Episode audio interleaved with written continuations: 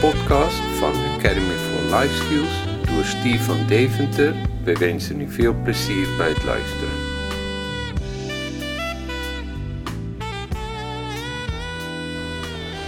Oké. Het is vanavond de zesde avond en ik wil vanavond nogal een lastige, een moeilijke onderwerp met u behandelen. We gaan vanavond kijken naar, dat hebben we afgesproken, begin toen we begonnen zijn, naar de hemelse troonkamer. En dan volgende week, dan hoop ik om dit allemaal bij elkaar te doen. Als we kijken naar het boek Openbaring, dan begint het met Johannes op het eiland Patmos. En dan komt de eerste uit, hij was in de geest op de dag van de Heer. En God verscheen aan hem, Jezus verscheen aan hem. En hij had een visioen, een beeld van Jezus. Hij viel voor hem neer. Hij was bij zijn bewustzijn. Zelfs al viel hij als dood neer, want hij zag dat het God hem met de rechterhand aanraakte. Jezus hem met de rechterhand aanraakte en optilde. Goed, dan krijg je de zeven brieven aan de zeven gemeenten. En dan was het weer dat hij zegt, en na deze dingen zag ik en er was een deur geopend in de hemel. En er wordt de stem, klim op hierin. En aan het volgende moment zit in de troonzaal van God. En vertalingen zegt, en meteen raakte ik in de geest, of vervoering en allerlei dingen, staat gewoon pneuma en de geest. En zie, er stond een troon in de hemel en iemand die op de troon zat, zat, er iemand. En mijn vraag aan je is, wat betekent dat? Wat weet jij van de troonzaal van God? Wat is het doel van de troonzaal van God? Om je daar vrij te spreken als uh, volger van Jezus. Om jou daar vrij te spreken als volgeling van Jezus.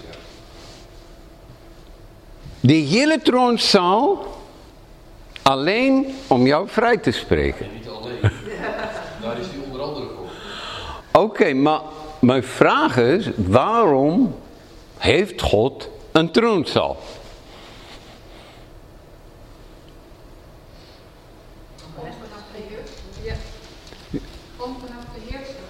Om vanaf te heersen. Ah, oké. Waarover heerst God?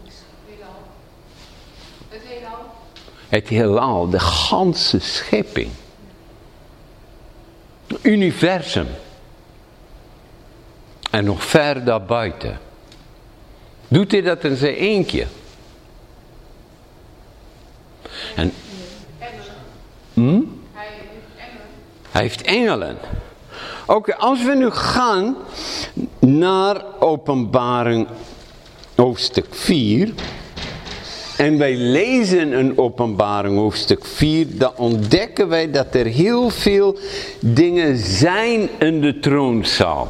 Wat vinden wij allemaal in de in troonzaal? jouw auto. Iemand die wil eruit. Nou, dat kan nu niet. Nee, ik heb ook gezegd dat jij het niet wil, maar... Ja. Hij heeft mij ook niet gevraagd. Hij heeft natuurlijk niet dag gezegd. Hij was... Snap de jongen niet. Oké. En Gods troonzaal. Dus Gods troon. En dan zien we ineens nog meer. Wat is er nog meer? Er zijn twaalf tronen. Wie zijn dat nou? Hm? Stammen. Twaalf stammen toch? Ja, maar dat is twaalf, stammen. Of, of 24 oudsten. 24 tronen, sorry. 24 tronen, 24 oudsten. En dan gaat er uit van de troon, staat er een openbaring. bliksemstralen, stemmen en donderslagen. En op een punt wilde Johannes opschrijven wat de donderslagen zeiden en het mocht niet.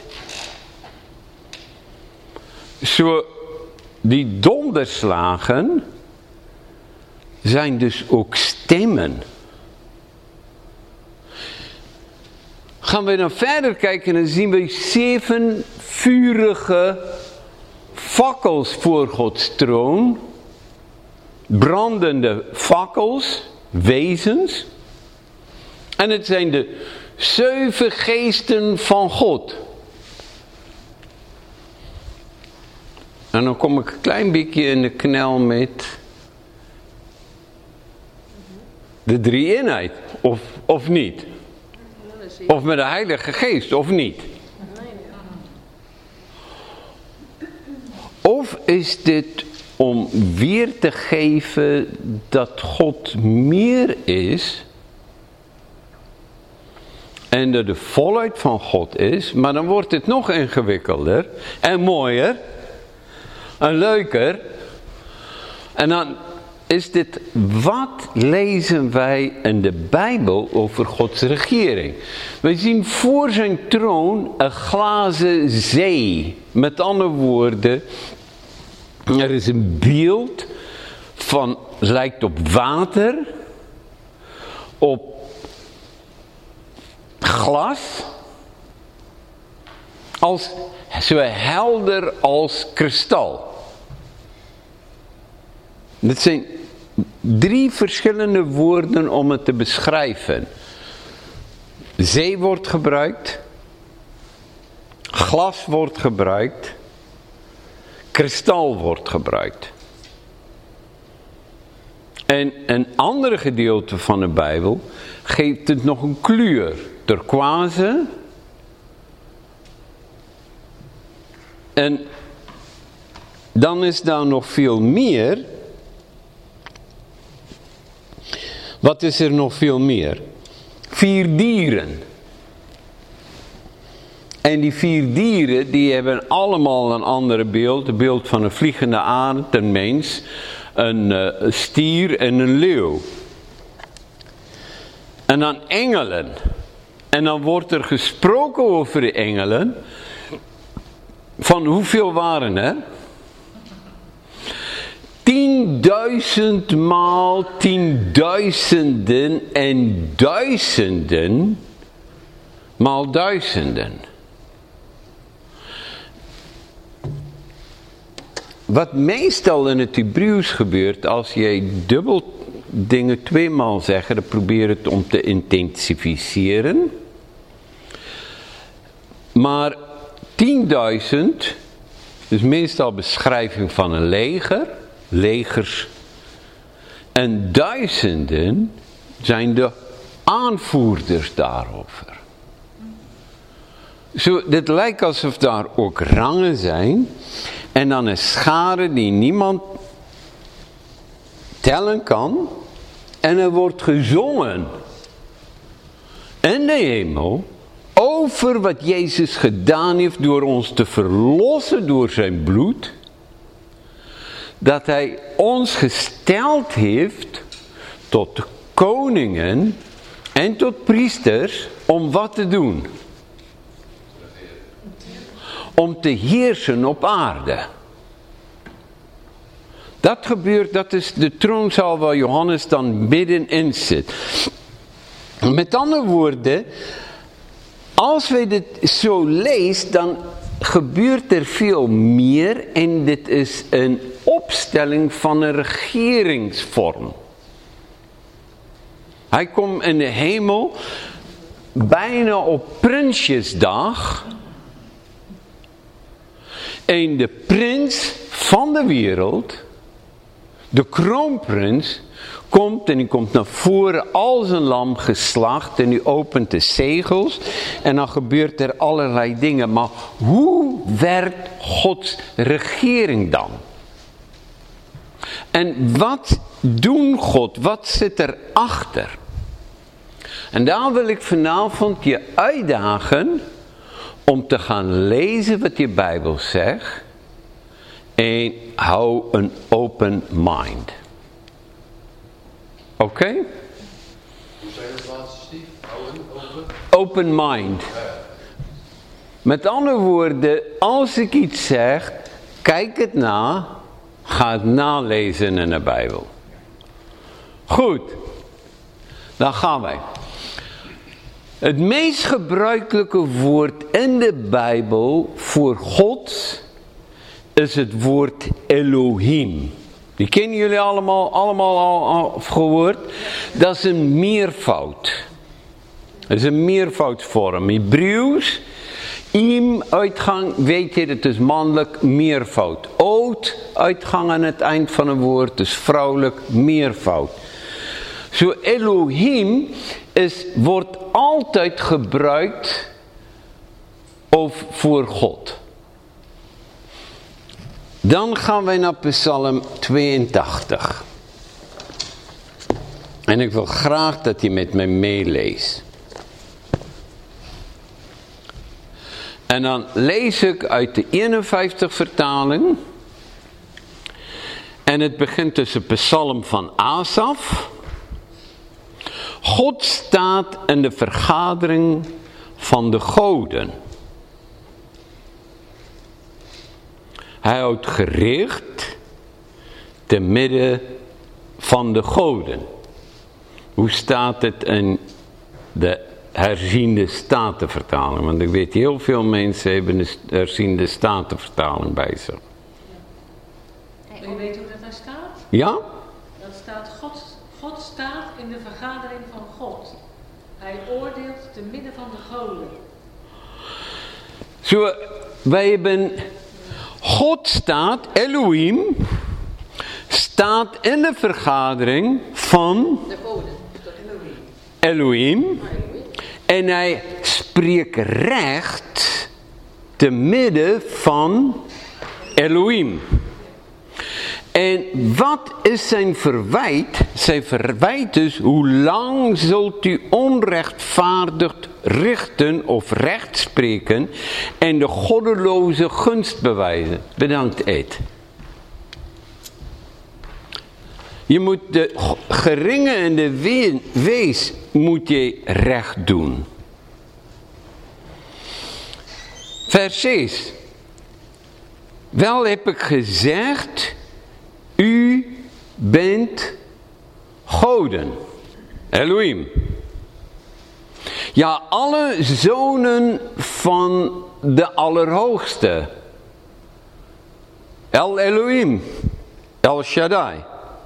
En nochtans zult u sterven als mensen, als een van de vorsten, het Hebreeuwse woord zar, zult u va- vallen. Sta op, o God, richt de aarde, want u bezit alle volken. Nou, wat staat er nou in het Hebreeuws? En het heeft hiermee te maken, God staat in het midden van een vergadering van de goden. Hij houdt gericht, met andere woorden, hij spreekt recht over de goden. In te midden van de goden, over de goden. God heeft dus een rechtszaak aan met de goden die niet goed zorgen voor de mensen. En die zullen, wat lezen wij? Ze zullen sterven als mensen.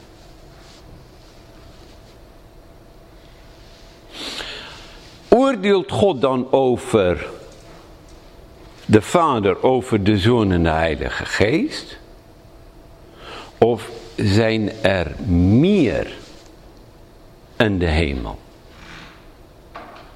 En de vergadering, denk ik dat je het moet lezen. Het lijkt alsof het woord Elohim ook gebruikt wordt voor overheden, wat Paulus noemt, en machten. En dat daar dan, en dan moeten wij kijken, maar, maar komen er nog meer zulke gedeelten voor in de Bijbel? Zijn er andere plaatsen waar het lijkt alsof God niet alleen is en alsof daar in de parlement, in de kabinet van God, meerdere wezens, wil ik het uitleggen, zijn. Ja, daar ontmoeten wij een hele aantal. Een van de gedeelten in de schrift die men het meest uh, puzzelt en uh, dwars zat, vinden wij in Genesis hoofdstuk 6.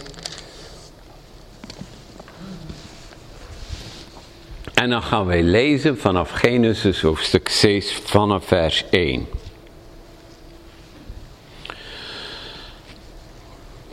Hebben Toen de mensen zich op de aarde begonnen te vermenigvuldigen en hun dochters geboren werden, zagen de zonen Gods dat de dochters van de mensen heel schoon waren en ze namen zich daaruit vrouwen, wie ze maar verkozen. En de Heere zei, mijn geest zal niet altoos in de mens blijven, nu zij zich misgaan hebben. Hij is vlees, zijn dagen zullen 120 jaar zijn. De reuzen waren in die dagen op de aarde en ook daarna, toen de zonen gods tot de dochters van de mensen kwamen en zij een kinderen baren of voortbracht. En dit zijn de geweldigen of de reuzen uit de voortijd. Mannen van naam. Oei. Nu hebben we al gehoord over goden en nu hebben wij het over godenzonen. En wat noemt de schrift hier, is dat de godenzonen, met andere woorden Bene Elohim, de zonen van de goden, zagen dat de vrouwen prachtig zijn. En daar ontstond een geslacht, een soort half mens, half God op aarde. En het Hebreeuwse woord daarvoor is Nephilim. Nephilim, en dat betekent de geweldenaren, de, de, de vreemden, de, de reuzen. En heel vaak wordt de reuzen genoemd met de naam Nephilim. En er zijn ook zekere geslachten. En als je dat leest, dan snap je ineens waarom de zondvloed kwam. Want dit was niet Gods bedoeling. Dit zijn zonen, dit zijn wezens vanuit de hemelse sfeer die zich vermengd heeft met mensen. nou, waar komen die dan vandaan?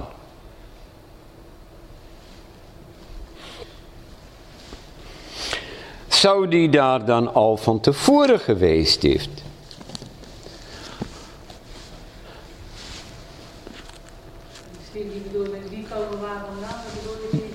Die godenzonen.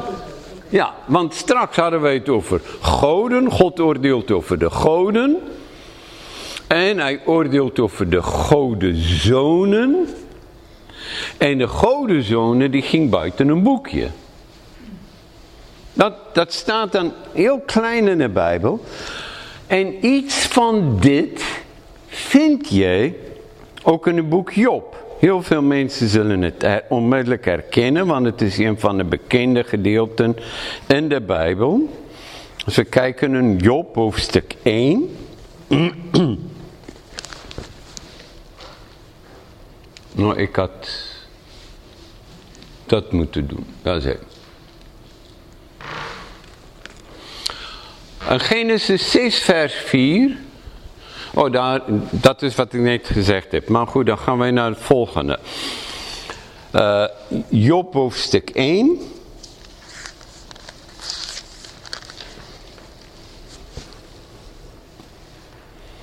Dan lees je over hoe een man uh, Job was, vers 6. Op een zekere dag kwamen de zonen van God om zich voor de Heer te stellen. Met andere woorden, in het parlement van God was daar een moment dat iedereen die deel uitmaakt van die gedeelte moest voor God komen. En dan lezen wij, en onder hen kwam ook de Satan. En wanneer het Oude Testament het woord de Satan gebruikt, dan wordt hij altijd de Satan genoemd en niet Satan. Wordt ook niet de duivel of duivel genoemd, maar de Satan. En dat is een Hebreeuwse woord, shatan, en dat betekent tegenstander. Aanklager. Ja? En wat er staat dus op een zekere dag, nu kwamen de zonen van God om zich voor God te stellen. En onder hen ook de Satan. En de Heer zei tegen Satan van waar kom jij? En hij antwoordde de Heer van een zwerftocht over de aarde die ik doorkruist heb. En toen zei de Heer tot de Satan, heb je ook acht geslaan op mijn knecht Job, want niemand op aarde is als hij, zo vroom en oprecht en godvrezend en wijkend van het kwaad. En Satan zegt, ja, hij doet het alleen maar omdat het hem goed uitkomt. En dan wordt hij aangeklaagd en dan later dan zie je weer dat het gebeurt, dat hij terugkomt. Een hoofdstuk Job vers, 2 vers 1 en 6. Dan krijg je dezelfde verhaal. Op een zekere dag kwamen de zonen gods om zich voor de Heer te stellen. En onderin kwam ook de Satan om zich voor de Heer te stellen. En dan lijkt het alsof dat woord te stellen betekent, ze moesten komen rekenschap afleggen van wat zij deden. En hij wordt gevraagd, wat deed je nou? En hij zegt, ja, ik heb de aarde doorkruist. Zwerf toch over de aarde die ik doorkruist heb. Dat heeft hij in het begin ook verteld. Als we kijken in openbaring, springen we even, hou je vinger bij Job en dan gaan we naar uh, Gods troon, hoofdstuk 4.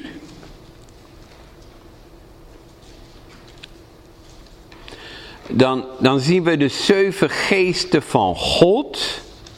En later worden ze weer genoemd als dat de aarde doorkruisen. Een koningin staat er, de ogen van de Heere gaat over de ganse aarde om krachtig bij te staan wiens hart volkomen naar hem uitgaat. Zo daar is meer werking en meer beweging in de geestelijke wereld, zowel van de troon van God als van het boze als wat wij ons bewust zijn.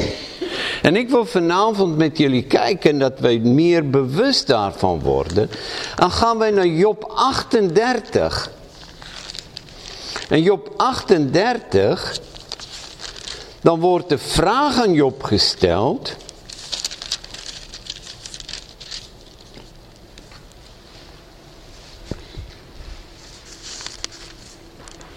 Door de Heere zelf, door God zelf. Vers 7. Het begint Was je bij vers 2? Wie is het toch die het raadsbesluit verduistert met woorden zonder verstand? God je aan als een man, dan wil ik je ondervragen en jij moet mij onderrichten. Waar was je toen ik de aarde gegrondveest heeft? Vraagt God aan, aan Job. Hij zegt, waar was jij toen ik met de aarde bezig was? En dan gaat hij verder. Wie heeft de meetsnoer, pijlen uitgelegd? Vers 7. Terwijl de morgensterren tezamen juichten. En al de zonen van God jubelen. Ze dan waren toeschouwers. Toen God de aarde schiep en de hemel waren er toeschouwers de morgensterren, de engelen, plus de zonen van God. En die waren aan het juichen en jubelen wat God bezig was om te doen. Die waren juichen en jubelen toen God de mens geschapen heeft. En nou, wat heel belangrijk is, is dat wij moeten zien dat hier een hele organisatie achter zit een overheid. Een parlement. De hemelse parlement of de hemelse kabinet van God. En wat wij dan zien is dat er ook rechtspraak gedaan wordt. Er wordt ook gebeuren worden beoordeeld in de hemelse gewesten. En van de gedeelte kennen wij heel goed, maar wat wij eigenlijk moeten doen is, we moeten dit gaan verbinden met elkaar. Diegene die een redelijke goede bijbelkennis heeft, die, die zullen van die teksten herkennen. En onmiddellijk, oh ja, ja, dat ken ik. Zacharia. Zacharia hoofdstuk 3.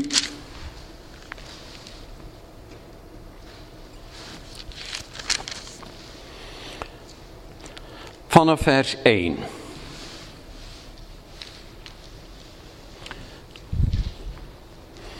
Daarna liet hij mij de hoge priester Jozua zien, die voor het aangezicht van de engel van de Heere stond, terwijl de Satan aan zijn rechterhand stond om hem aan te klagen. Zacharia had dus ook een inzicht, een beeld om een Gods koninkrijk te kijken. Een Gods rechtszaal. En dan staat er dat, dat hij aangeklaagd werd. En dan vers 2 staat, en de Heere echter zei tot de Satan, de Heere bestraft u. Ja, de Heere die Jeruzalem verkiest, bestraf u, is deze niet een brandhout uit het vuur gerukt. Joshua nu was met vuile kleding bekleed terwijl hij voor de engel stond. En toen nam deze het woord, dat is dan de engel denk ik, en zei tot hen die voor hem stonden, of het is God die daar sprak, en zegt, doe hem de vuile klederen uit. En hij zei tot hem, zie ik neem uw ongerechtigheid van u weg. Ik trek uw feestkleren aan. En dan gebeurt er iets. Zacharia, de profeet, die ging zich ermee bemoeien. En er staat letterlijk, en ik zei... Daar. Vervolgens zei ik, laat hem ook een schone, reine tolband op zijn hoofd zitten. Daarop zitten zij, de reine tolband op zijn hoofd, trokken hem feestleren aan terwijl de engel van de Heer erbij stond. Wie deed het?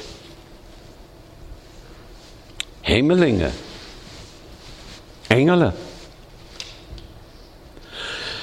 Zo, wij zien iets gebeuren voor de aangezicht van God dat er een rechtszaak is, dat Joshua eigenlijk veroordeeld wordt. God treedt op en hij zegt, ik neem het voor hem op neemt de viezigheid weg. Hij is een stuk brandhout uit het vuur gerukt. En hij kreeg schone kleding. En de profeet ging spreken en God luisterde naar hem. En dat soort dingen, lieve mensen, dat botst natuurlijk verschrikkelijk. Met mijn gereformeerde achtergrond en theologie. Want ja, daar ligt de raadsplan van God vast. En God heeft het al geweten voor de grondlegging van de wereld. En alles ligt vast. En... Of niet? En dan krijg je nog zoiets. Jullie kennen het verhaal van Abraham en Lot. Ja. Hele verdrietige verhaal. Een, een Genesis hoofdstuk 17. Dan, uh, dan verschijnt God weer aan Abraham. En dan uh, een, een hoofdstuk 18 dan gaan de engelen samen met kijken naar, uh, naar de stad Sodom. En hoofdstuk 19 begint en de twee engelen die kwamen bij het huis van Job, ach van, van Lot. En dan zeggen ze, nu moet je met ons meegaan. En dan op laatst dan grijpen ze Lot en zijn vrouw en zijn twee dochters bij de hand en dan slepen ze in de stad uit. En dan zeggen ze tegen hem, ren naar de bergen. Wij kunnen niet beginnen om het oordeel te voltrekken voordat jullie niet weg is. En dan, uh,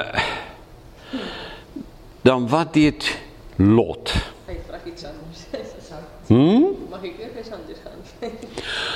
Lot die zegt, ja ik wil niet naar de bergen, mag ik in die stad gaan wonen, een zoar. Yes. En dan stemt de engel in. En dan denk ik, want als je het verhaal verder leest, dan durft hij weer niet in een stad te wonen, omdat het vreemd is en dan gaat hij toch in de bergen wonen. En dan denk ik, en, en hij kreeg zijn zin. Hoe werkt dat dan? Hij kreeg zijn eigen zijn zin. Ja, hij kreeg zijn zin. Hij, hij, hij, de engel zegt ga naar de bergen. Hij zegt nee ik wil in de stad gaan wonen. En dan gaat hij naar de stad en dan besluit hij ik ga toch in de bergen wonen. Maar dat de engel luistert naar hem. En dan komen uit een, uit een land waar als je dit moet je luisteren, doen het op lagere school gezegd werd, dan moesten we luisteren. Klaar. Dan, dan, dan denk ik, ik snap het niet. Maar ik zie hier iets van de samenwerking, maar de, de relatie, die verbindenis en de plaats die de mens heeft om een Gods parlement ook te participeren. In de hemel te participeren. En wat krijgen wij nu daar? Als we verder gaan, daar is nog een beeld wat ik met jullie wil delen. Dat is meer. Dat je weer een vergadering van God krijgt en dat er weer een vraag gesteld wordt, uh, uh, dat er een vraag gesteld wordt aan de mensen. Jesaja. Jesaja hoofdstuk 6. Prachtig hoofdstuk. Ik, ik vind het zo bijzonder. Jesaja die, uh, die zegt in het sterfjaar van koning Sia was die in de tempel en ineens kwam de aanwezigheid van God. En ik zag de Heere zitten op een hoge en verheven troon en de zomer van zijn gewaad vulde de tempel. En Seraf stonden boven hem. Ieder had zes vleugels en twee bedekte ieder zijn gezicht. Met twee bedekte hij zijn voeten en met twee vloog hij. Dat is hetzelfde waarover Ezekiel schrijft. Dat is hetzelfde wat wij zien voor Gods troon. En dan, en dan hoorde hij een stem van God verderop en vers, vers 8, want eerst gebeurde dat, dat hij zegt, oh wee mij, ik ben een man van onreine lippen en ik woon onder een volk wat onrein is. En dan komt de, de engel en hij neemt met een tang een kool van een altaar en hij raakte zijn mond aan.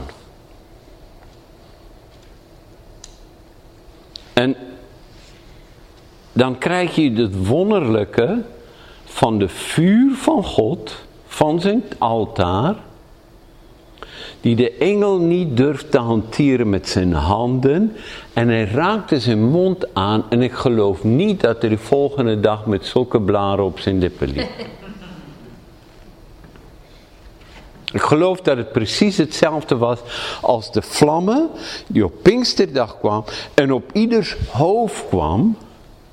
En zij liepen niet de volgende dag met haar die afgebrand was en naar rook. Maar het heilig vuur komt vanuit de dimensie van God. En dat het in ons dimensie komt en het brengt reiniging en heiliging. En dan vroeg God. En dan hoorde hij de stem van de Heere die zei, wie zal ik zenden en wie zal voor ons gaan? En nou antwoordt Jesaja, hier ben ik, zend mij. En dan krijg je de opdracht, ga, zeg tot het volk. En dan krijg, wordt hij uitgestuurd om, om zijn werk te doen hele ontroerende gebeurtenis dat hij eigenlijk vanuit Gods troon aangesteld wordt als profeet namens God. Maar hij wordt niet overweldigd. En soms dan hoor ik mensen praten, ja God heeft mij bij de nekvel gegrepen. En dan denk ik, zo'n God ken ik niet. Heb ik nog nooit ontmoet, niet in de Bijbel. Want hij vraagt altijd, wil jij?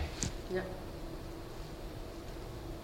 En hier ook ging de mens en de mens vroeg, God vroeg hem en hij ging op stap. Het kan zijn dat de mensen misschien voelen dat ze overweldigd waren door God. Maar Paulus werd ook niet aan zijn nekvel gegrepen. En soms als ik die getuigenissen hoor en ik denk als je dit nou vertelt aan een ongelovige, dan, uh, dan communiceert dit niet de liefde van God en de vergeving en de en de, en de, en de aanwezigheid van God. Maar, maar ik vind het een hele bijzondere gebeurtenis, want hier zie je een hele nauwe samenwerking tussen God en de mens. En ook de profeet en, en God. Maar je ziet het ook op andere plaatsen, ook in de negatieve zin. In de tijd van koning... Pardon. Aangap en uh, koning Jehiskia, uh, ach Jozefat, dan was Jozefat bij koning Agat op bezoek en dan, dan denk ik, ja wat zoek je bij die man? Heb je dan niet spreuken gelezen? Slechte vrienden. Ja. Maar goed. Dan uh, wil Agap wil gaan vechten. En uh, dan vraagt hij aan al zijn profeten die daar rondrennen, uh, wat moet ik doen? En ze allemaal profeteren eensluidend, dat moet ik doen. En jo Jozefat, die voelt aan, maar dit is niet kosher. En dan gaan Jozef, Jozefat en hij vraagt, maar is er niet een andere? is er niet een andere profeet? Ja, zegt hij, daar is een andere, maar. Die eh, profiteert niet goed voor mij. Die, eh, die, en dan gaan ze Micha roepen.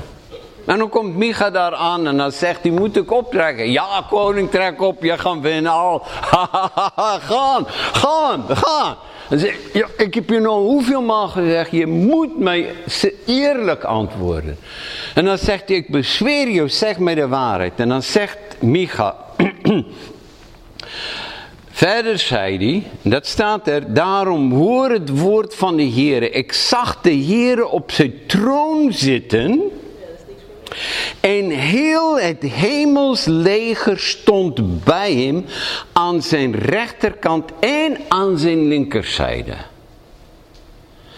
En de Heere zei, wie zal Agab misleiden, zodat hij zal optrekken om bij Ramon en Gilead, een Gilead te vallen in de strijd. En de een nu zei dit en de ander zei dat. En toen trad er een geest naar voren en ging voor het aangezicht van de Heere staan. En hij zei, ik zal hem misleiden. En de Heer zei tegen hem, waarmee? Hij zei, ik zal erop uitgaan en een leugengeest zijn in de mond van al zijn profeten. En God zei tegen hem, de Heere zei, jij mag misleiden en jij zult er ook toe in staat zijn. Vertrek en doe zo. Nou, dat geeft ons ook een inkijkje in wat? In het parlement van God. En dan een leugengeest. Ja, een God is toch geen leugen?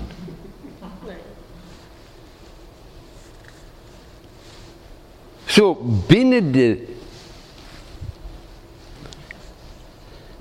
de hemelse leger, wordt dit hier eenvoudig genoemd, dat is ook waar de Satan, de aanklager kwam en functioneert. En daar was het ook waar een leugengeest functioneert. Bent u nog bij me? Ja, ja, ja, ja. Dat is precies zo dat plekje. Kunt u zien waarom ik dit, dit zeg? Van, wij zien hier een beeld. Later zegt Jezus in het Nieuwe Testament, ik zag de Satan als een bliksem uit de hemel vallen. Wanneer was zijn macht gebroken? Nadat Jezus met het bloed van het verbond verscheen voor Gods troon en hij de akte en de verzegelingen kreeg om dit wat verloren is gegaan door Adam terug te winnen. Maar goed, dan zitten wij nu bij Adam. Wat was dus de functie van Adam? Waar was Adam dus gesteld?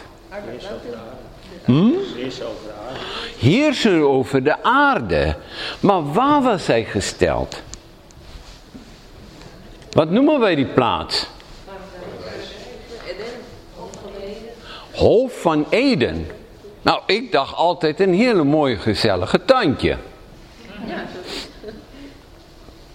Maar hoe meer ik in de Bijbel lees, zie je dat zekere plaatsen wat wij niet zo goed over nadenken, eigenlijk zetels van gezag zijn. En ik geloof dat de hof van Eden, Eden was een gezagspositie. Met andere woorden, het zou de hoofdstad worden waar de hemelse kabinet van God en de aardse kabinet bij elkaar kwamen.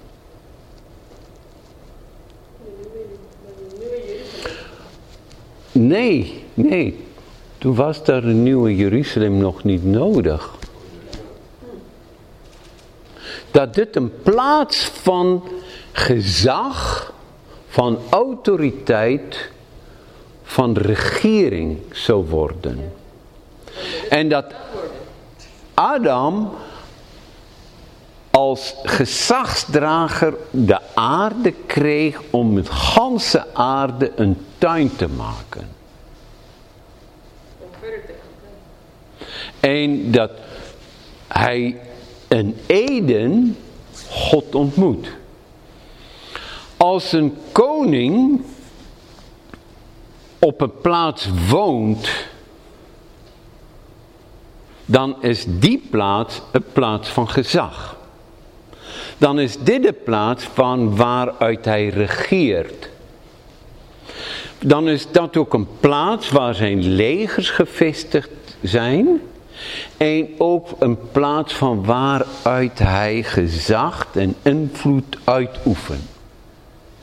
En God kwam in de avond wandelend in de hof om Adam en Eva te ontmoeten. En wij weten niet hoe vaak dat gebeurde. Want ze herkenden hem.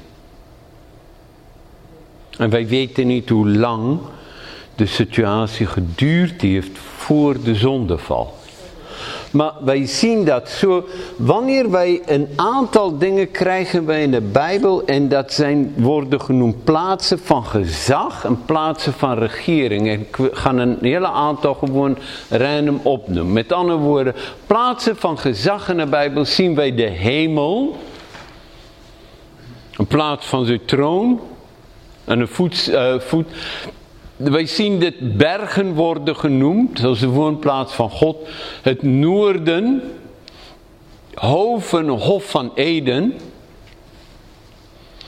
Poorten, stadspoorten, zijn plaatsen van gerechts, rechtspraak en uitoefening van gezag. En zekere steden ook. Als we kijken naar Eden, dat betekent het oosten, dan denken we aan het tuin, maar ik geloof echt dat wij moeten kijken naar plaats van regering en gezag. En de reden waarom ik dat zeg, vinden wij in Ezekiel. Ezekiel 28, vers 13. En Ezekiel 28 gaat over eigenlijk de spreekt het over Tyrus, maar het gaat dan ook eigenlijk over, over de Satan, over Morgenster. En ik lees daar vanaf vers, uh, vers 12. En dan begint die, die, die uh, spreuk over, over uh, de Satan. Volmaakt ben je van gestalte, vol van wijsheid, volkomen schoon. En Eden was jij Gods hof. En dan was die niet alleen daar om even te lopen, maar dan staat allerlei edelgesteente overdekte je. En dan wordt het genoemd rode jaspis, chrysoliet, prasem, turquoise, chrysopraas, nefritiet, uh, lazuursteen, hematiet, malachiet. Van goud was ook het werkstuk waarin ze waren gezet. En aan jou vastgehecht. Toen jij geschapen werd, waren ze gereed. Zo in Eden had hij eigenlijk een plaats. En dan wordt het genoemd. Jij was een beschuttende gierep met uitgespreide vleugels. Ik had je een plaats gegeven. Jij was op de heilige berg van de goden. En dan staat in de NBG-vertaling, goden met een kleine lettertje. Jij was op de plaats van de heilige berg van de Elohim. Zo, wat wij daar lezen is, hij was hier, dan zie je van de God. Hij was daar in Eden, was daar dus ook, wordt het genoemd heilige berg. Het wordt genoemd dat hij daar in allerlei pardon, versieringen was en allerlei andere dingen. En hij was daar gesteld. Hij had daar een positie, hij was in, op die plaats, in Eden, was hij een beschuttende gerub met uitgespreide vleugels. En wanneer God de verzoendeksel liet maken, dan moest daar gerubs, beschuttende gerubs over en daar sprak God. En Mozes moet het maken naar het beeld wat hij in de hemel zag. En je wandelt tussen vlammende stenen. Zo daar was veel meer in Eden dan alleen maar gewoon een tuin met wat groente en fruitbomen. Je moet het zien, dit was de stad van God. Dat was een heilige berg, een zetel van regering. En dan zegt, hij heeft daar ook handel gedreven. Uitgebreide handel. Trots was jouw hart op je schoonheid. Met je luister heb jij ook wijsheid, heb, ik jou, heb jij ook je wijsheid te niet doen gaan. Ter aarde werp ik je neer en maakte ik je tot een schouwspel voor de koningen om het leedvermaak naar je te zien. En uh, dan gaat het verder. Maar voor, voor, voor ons doel op dit moment is dit belangrijk. Jesaja noemt precies hetzelfde. Jesaja hoofdstuk 14. Je bent uit de hemel gevallen, jij morgenster, zoon van de dageraad. Hoe ben je ter aarde geveld, overweldiger van de volken. Zo, Satan heeft een positie van gezag, van schoonheid, van adjunct, van morgenster, aartsengel, van aanvoerder, maar ook van de hemelse lofprijzing, heeft hij alles kwijtgeraakt. En wat wij ook moeten beseffen is dat dit wat Jesaja op dat moment zag. Ik zag de Heer hoog en verheven en zijn, zijn zomer vulde de tempel. Dat zie je niet altijd. Wat Johannes zag op het eiland Patmos, dat zie je niet altijd. En, en wat, wat, omdat het plaatsvindt in de geestelijke wereld, in de dimensie van God. En mijn vraag is, wat gebeurt er op dit moment in de hemelse dimensie en het parlement van God? En wat wij ons op moeten gaan richten als christenen, is dat daar een realiteit is van Gods regering, met een uitgebreide gezagstructuur, met een grote leger aan engelen en een aanbidding die 24 uur plaatsvindt voor Gods troon. Wij moeten ons daar bewust van, van, van worden en wij moeten eigenlijk daarin gaan. Want de uitnodiging aan Johannes van kom op hierheen, geloof ik geldt voor iedere christen. Dat God zegt, kom. Hebreeënbrief zegt, laten wij met vrijmoedigheid toetreden. Waar? Tot de troon van genade. Maar dat wij met vrijmoedigheid toetreden tot achter de voorhangsel. Dat wij met vrijmoedigheid tot een Gods aanwezigheid mogen gaan. En dat wij ons daar bewust van moeten, moeten zijn. Uh, Magda en ik die, die waren niet zo lang getrouwd en wij waren op een, op een stadium dat wij s'morgens begonnen wij stille tijd in de bed en wij, wij zaten op de bed en wij begonnen s morgens heilig, heilig, heilig, Heere God almachtig te zingen, zo'n beetje met slaapkop en dan, dan zongen wij en dan baden wij en dan stonden we op en dan weet je en dan later hier na ontbijt dan krijg je koffie en dan kom je bij. En uh, wij waren op de ochtend waren we aan het zingen en ik, ik dacht, wat zie ik nu? En het was alsof ik aan een voeteneind van het bed zag ik, het lijkt op een troon, maar de onderkant, en ik zag voeten.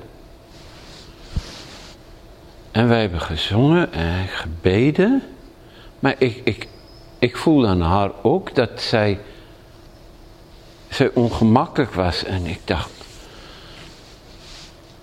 wij, wij, wij worstelen ook nog, hoe, hoe, hoe, hoe praat u over zulke dingen met elkaar? En de volgende ochtend weer. En dat ik tegen haar zei, zie jij ook wat ik zie? Ze zei, ja. Het is alsof alsof de troon van God hier aanwezig is in de kamer. Maar wij voelden niet kippenvel of, of allerlei dingen wat wij van tevoren, maar ik, ik, ik zag dit half als een, als een dimensie bij ons. Lieve mensen, dit heeft mijn leven veranderd. In de zin van de realiteit van Gods aanwezigheid is zo bij ons.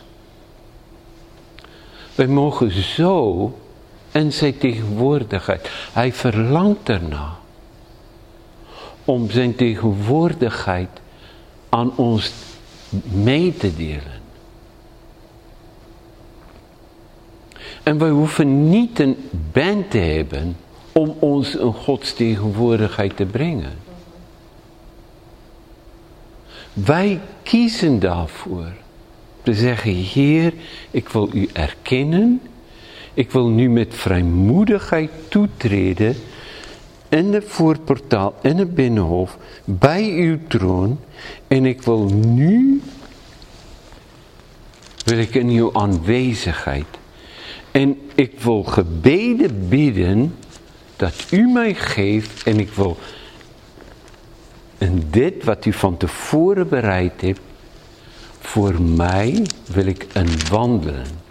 Want u zegt, ik ben met u gezeteld in de hemelse gewesten met Christus. Ik zeg,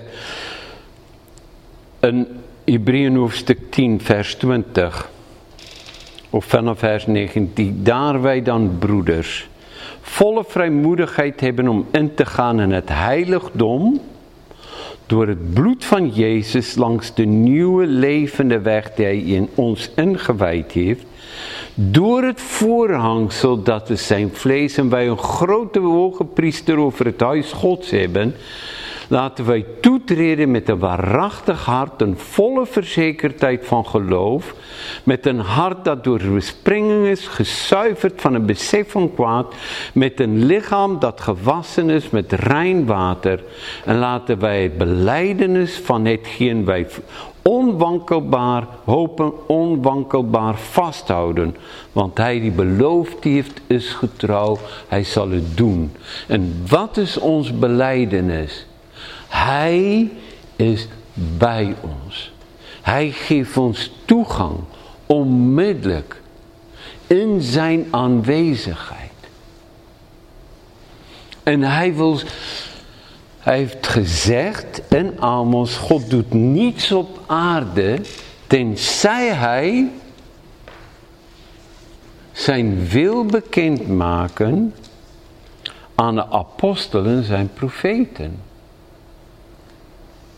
Als we terugkomen naar, Genesis hoofdstuk 18. Waarom deelt God wat hij deelt met Abraham?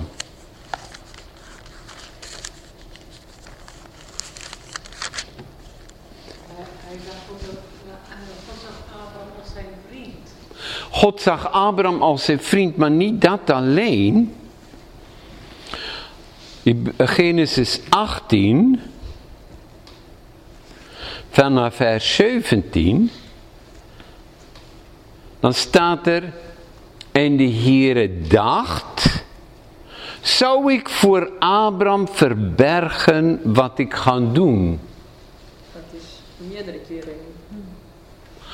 Dan zegt hij, Abraham immers zal voorzeker tot een groot en machtig volk worden en met hem zullen alle volken van de aarde gezegend worden, want ik ken hem, ik heb hem gekend. En het zegt, opdat hij gebieden zou, opdat hij gezag zal uitoefenen. Hij en zijn zonen en zijn huis na hem, om de weg van de Heer te bewaren door gerechtigheid en recht te doen. Opdat hij gezag uitoefent. En ik geloof dat het zo belangrijk is dat wij, dat wij dit gaan beseffen. Dat God aan ons dingen meedeelt en hij wil het ook graag. Maar wat, wat bij ons de verhindering is, is dat wij, wij, wij, wij zijn soms bewust zo bezig met de andere dingen. Ik moet denken aan, en steeds denken aan, aan de Emmausgangers die naar huis gingen en ze waren zo vol met de pijn en de moeite en al die dingen die hier gebeurden. En dat Jezus aan ze ze waren discipelen van hem en ze herkenden hem niet. En hij begon en hij deelde vanuit de schrift en ze zei, oh wat was onze harten brandend in ons. Toen hij de schriften met ons deelde. Brandende in ons. En ik geloof dat iets wat wij nodig hebben is dat we zeggen, Heer, ik wil niet meer alleen kennis ontvangen van uw woord. Maar ik wil het lezen dat mijn hart een vlam gaan staan. En dat ik ga zien dat, dat, dat, dat ik niet alleen hier en nu ga zien, maar dat ik de, de dimensie bij u ga zien. Dat u in mijn hart gaat leggen wat ik moet bidden, hoe ik moet bidden. Want u hebt mij geroepen om als koning in de toekomst te regeren. Maar hoe kan ik dat gaan doen als u mij nu niet een koninklijke opleiding geeft? Hoe kan ik gaan optreden als priester als ik niet nu al een priesterlijke opleiding van u ontvangen? U hebt gezegd, u stuurt uw geest en hij zal ons leiden en ook de dingen verkondigen wat Jezus nog niet kon delen met zijn discipelen. Want hij zegt, ik ga heen, ik laat je niet alleen. Er is nog heel veel wat ik wil zeggen, maar ik kan het nu nog niet met je delen.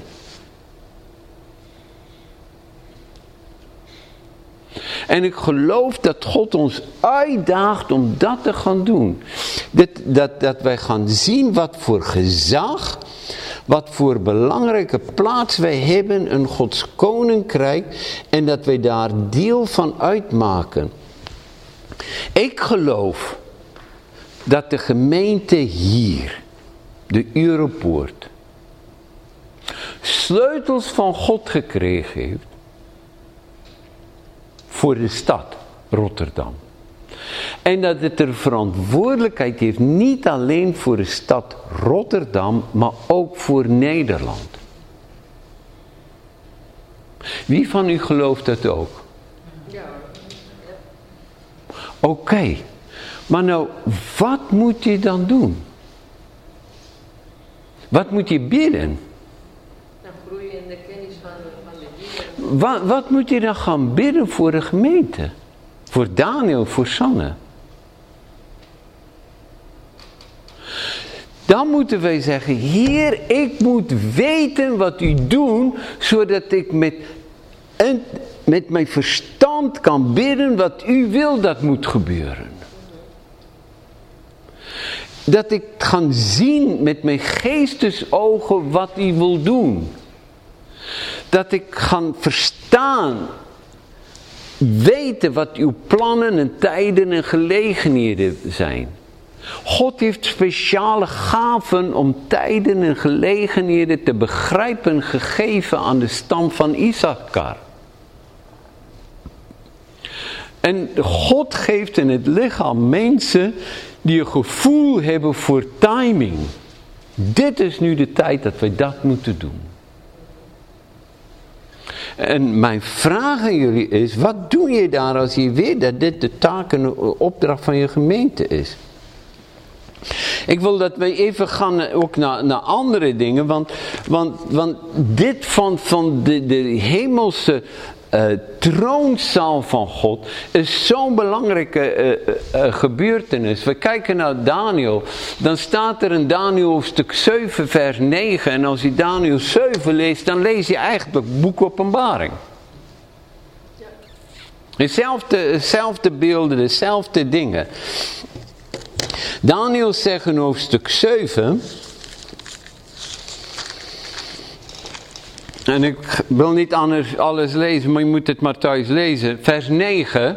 En ik keek toe tot het er tronen werden geplaatst en de oude van dagen, met andere woorden, het leek op een oude man met zich neerzitten. Zijn gewaad was wit als de sneeuw en het haar van zijn hoofd als zuivere wol. Zijn troon bestond uit vuurvlammen en de wielen ervan waren laaiend vuur. Nou, een troon met wielen, dat vind ik altijd ook zo mooi in die zegel. Ja, dan wordt een rolstoel.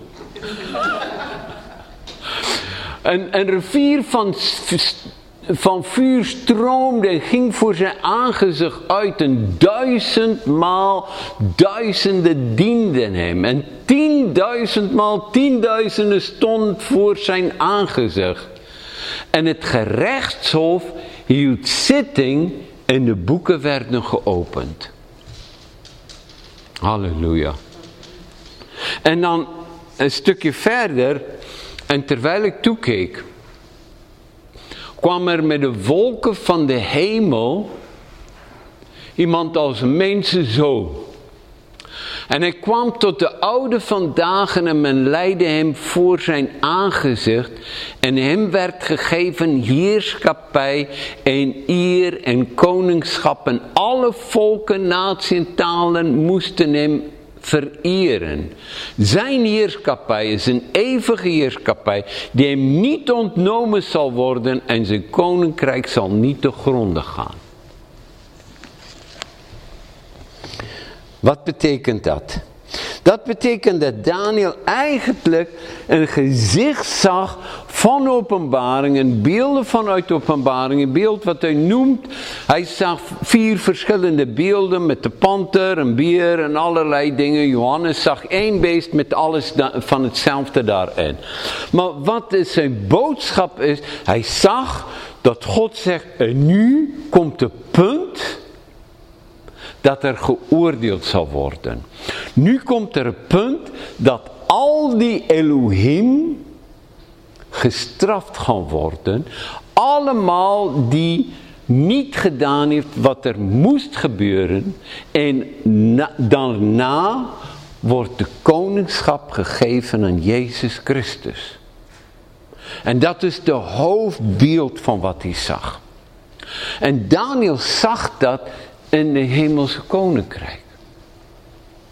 En, en wij hebben soms de gedachte, ja maar iemand moet heel speciaal wezen voor, voor, om, om zulke dingen te zien. Nee.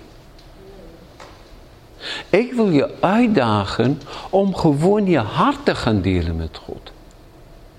Ik wil je uitdagen om te gaan bidden en zijn tegenwoordigheid te zoeken. En ik wil je uitdagen om van uit die tegenwoordigheid de vraag, Heer, wat wilt u dat ik zal doen? Hier ben ik. Zend mij.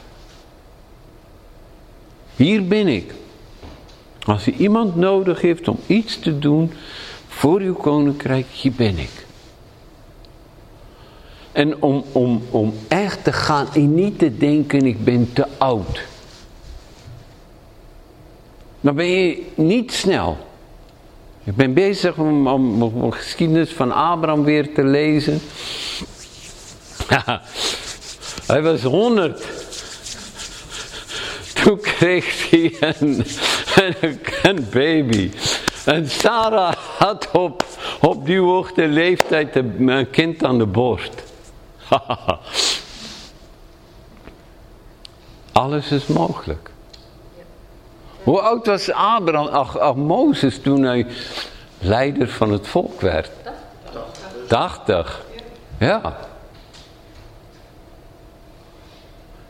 En Mozes, die was heel sterk. En zijn lichaam nog daarna. Goed.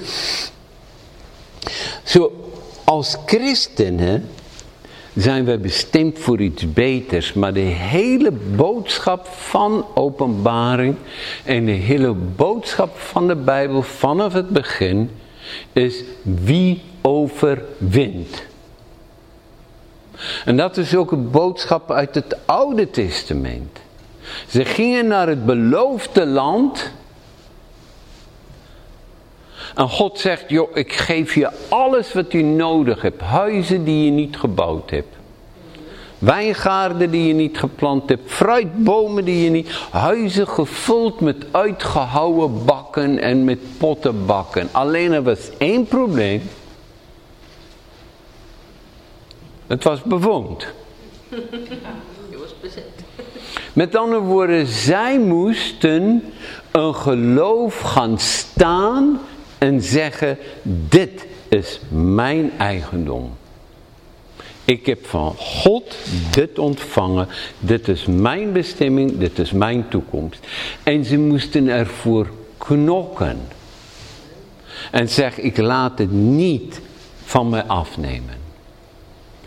En ik laat u niet los tenzij u mij zegent. En ik geloof dat het zo belangrijk is dat we gaan beseffen dat dit moeilijke tijden komen. Petrus heeft het gezegd. Hiertoe zijn wij geroepen. Omdat Christus voor ons geleden heeft, moeten we ons wapenen met dezelfde gedachte dat wij door lijden heen zullen we het koninkrijk beërven. Dat is een hele theologie die dwars door de Bijbel heen ligt. Dat niet alles gaat zoals wij verwachten. Dan komt strijd, dan komt moeite. En je moet gaan staan in geloof. En je moet gaan vechten in geloof. En wie overwint, zal al deze dingen beërven. En juist daarom komt de brieven in de Bijbel en zevenvoudige oproepen openbaren wie overwint. Wie overwint zal eten van de boom des levens. Wie overwint zal van de tweede dood geen schade lijden. Wie overwint ontvangt verborgen manna en een witte steen en een nieuwe naam. Wie overwint zal ik macht geven over de heidenen om te regeren. Wie overwint wordt bekleed met witte kleding en naam in het boek van het lam. Wie overwint zal een zuil zijn in de tempel van God. Dat betekent, dit, dit, zijn, dit zijn allemaal dingen die te maken heeft een witte steen. Wat is de betekenis daarvan? In het Oude Testament droeg de hoge priester een borsttast. De, de, de, tas van uh, beslissing. En binnen in die tas was daar twee stenen. De Urim en de Toemen. En waarschijnlijk was dat ook om te verstaan wat God wil. En daardoor krijg je een, wat je uit de, uit de zak haalt was ja of nee. Maar hier zegt het dat het eigenlijk iemand is die namens God luistert om Gods wil en Gods de, uh, woord te spreken voor mensen. Zodat ze duidelijkheid zal hebben. Zal beslissen over wat is goed en wat, wat kwaad. Van daaraf gaat het allemaal over heerschappij. Macht over de heidenen om te regeren. Bekleed met witte kleding. Namen het boek van het lam. Bekleed met witte kleding. Niet alleen om voor Gods troon te staan. Maar als ambtenaar op te treden, treden namens hem. Om een zuilende tempel van, van, van zijn God. Wat betekent dat? betekent, dit is iemand op wie je kan bouwen, die de basis draagt, die een verantwoordelijkheid heeft, die vaststaat, die anderen kan aansturen. Die een, een pijler vormt. Eh, Paulus, uh, Petrus spreekt van een pijler van de waarheid. Dat, die, uh, dat Lucas noemt Petrus en Jacobus noemt die zuilen van God en het huis van God. Zo, dit, dit zijn oude uitdrukkingen wat betekent gezagspersonen. En dan meet mij te zitten op de troon. Wie overwint? En wat er heel vaak verkondigd wordt is dat, nou jongens, je moet volhouden en dan gaan de hele gemeente weg in een eens zonder dat er strijd of moeite is worden we weggevoerd. Heel gemakkelijk. Dan denk ik, lieve mensen, dat was nooit de Bijbelse boodschap. Nergens. Het is welkom in een strijd. Dat was ook niet het oude testamentische boodschap, al wachten ze daar in een prachtige beloofde land. Dat was altijd strijd om in te gaan. Dat was altijd strijd om in de belofte van God te wandelen. En dat is de boodschap van de openbaring. Het zal niet makkelijk zijn. Daar is geen makkelijke ontspanningsroutes. Maar daar is een strijd van geloof. En waarom moet je door de strijd heen gaan? Want het bouwt geduld, het bouwt karakter. Het bouwt volharding, zegt, de, zegt uh, Paulus. Hetzelfde zegt Petrus. Is dit een moeilijke boodschap? Ja? Waar zijn deze beloftes dan voor? Wat zeg je? Voor, welke tijd zijn deze beloftes dan? Ik, ik kan je niet horen. Die beloftes die daar staan, die zeven punten? Ja, die komen uit de zeven brieven. En maar zitten die dan voor nu of van dat heeft te maken met de toekomst. De beloften van God. En het is voor wie overwint. En, en juist daarom is het zo belangrijk dat wij, dat wij moeten leren, dat wij mensen moeten leren en zeggen, joh, als je de Bijbelse geschiedenis leest, dan was het een strijd en daarom zegt Paulus ook, bewapen je om te staan met de wapenrusting van God. Bekleed je met de wapenrusting van God om staande te blijven op de boze dag. Is dit niet wat Jezus gezegd heeft? Hij heeft gezegd, ik laat je nooit alleen, maar weet het, ik ben niet gekomen om vrede te brengen op het aarde, maar het zwaard. En, en ze zullen je voor de gerechtshof dagen. Familie zal tegen je opstaan en haten. En dat is de boodschap die wij niet graag zo graag willen horen. Maar dat is de realiteit. Maar, maar dit is wat de Bijbel zegt. En maak je klaar voor de strijd. Want wij praten over vrede. En Jezus is de vredevorst. En hij brengt vrede. Maar wanneer hebben wij vrede? Als de oorlog gewonnen is. En er is een strijd om de zielen van de wereld en er is een strijd om de mensen. Is daar een schitterende beloning? Ja, nog meer. Johannes 1 Johannes 5 vers 5 zegt, wie anders is het die de wereld overwint dan hij die gelooft dat Jezus de Zoon van God is. Openbaring 21 vers 7, wie overwint zal alles beërven en ik zal voor hem een God zijn en hij zal voor mij een zoon zijn. Openbaring 21 vers 24. En de naties die zalig worden zullen er naar licht wandelen. En de koningen van de aarde brengen een heerlijkheid en eer in de stad van God. En openbaring begint met de woorden dat wij koningen voor onze God zal zijn. En de koningen brengen de rijkdom en de eer van de volkeren door de poorten van de stad om voor de troon te leggen. Waarom spreekt de Bijbel ook? Jezus spreekt van de gelijkenis van de, van de knechten die op verschillende uren gehuurd is. Leuke verhaal. Zelfs de mensen die maar een uurtje gewerkt hebben, die kregen een dagloon. En diegene die van morgens vroeg af kreeg ook een dagloon. Ons gevoel zei, oh dat is niet eerlijk. Maar lieve mensen, dit is de moeite waard. Ik ben nog nooit door strijd heen gegaan dat ik niet gegroeid ben in liefde voor Christus en intimiteit en een beter verstaan van zijn liefde en zijn bewogenheid. Door allerlei dingen wat er was. En ik wil je dit aanmoedigen.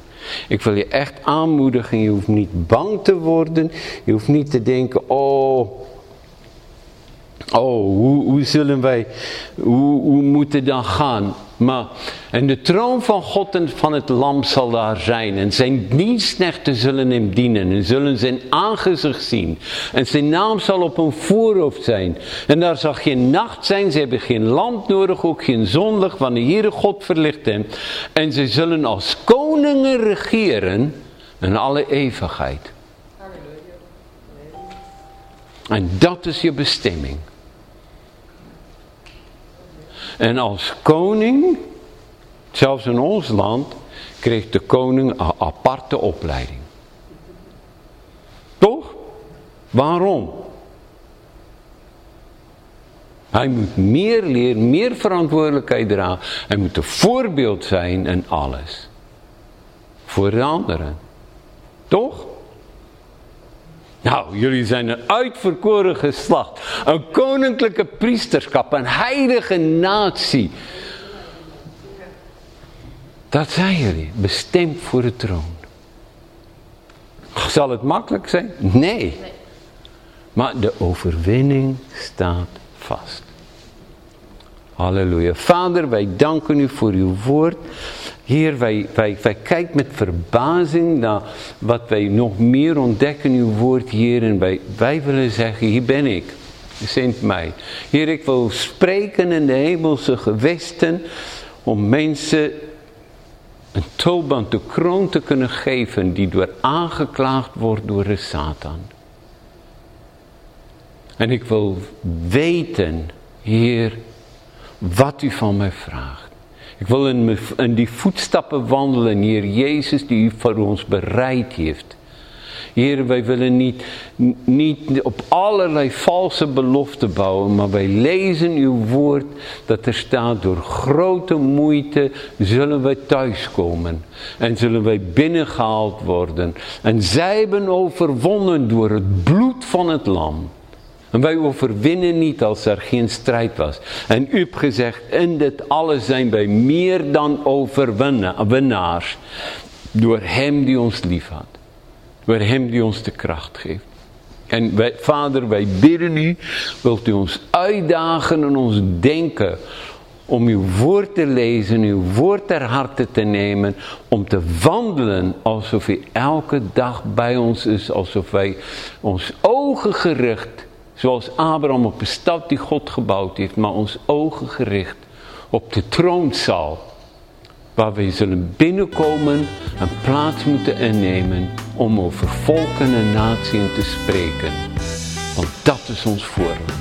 En ik bid u voor iedereen van ons die me hoort, vandaag of via de, de opnames, dat ze geraakt zullen worden in hun harten en, en u zullen zoeken en uw plan voor hun leven. En niet blijven bij eenvoudige antwoorden, maar dieper te gaan in uw woord.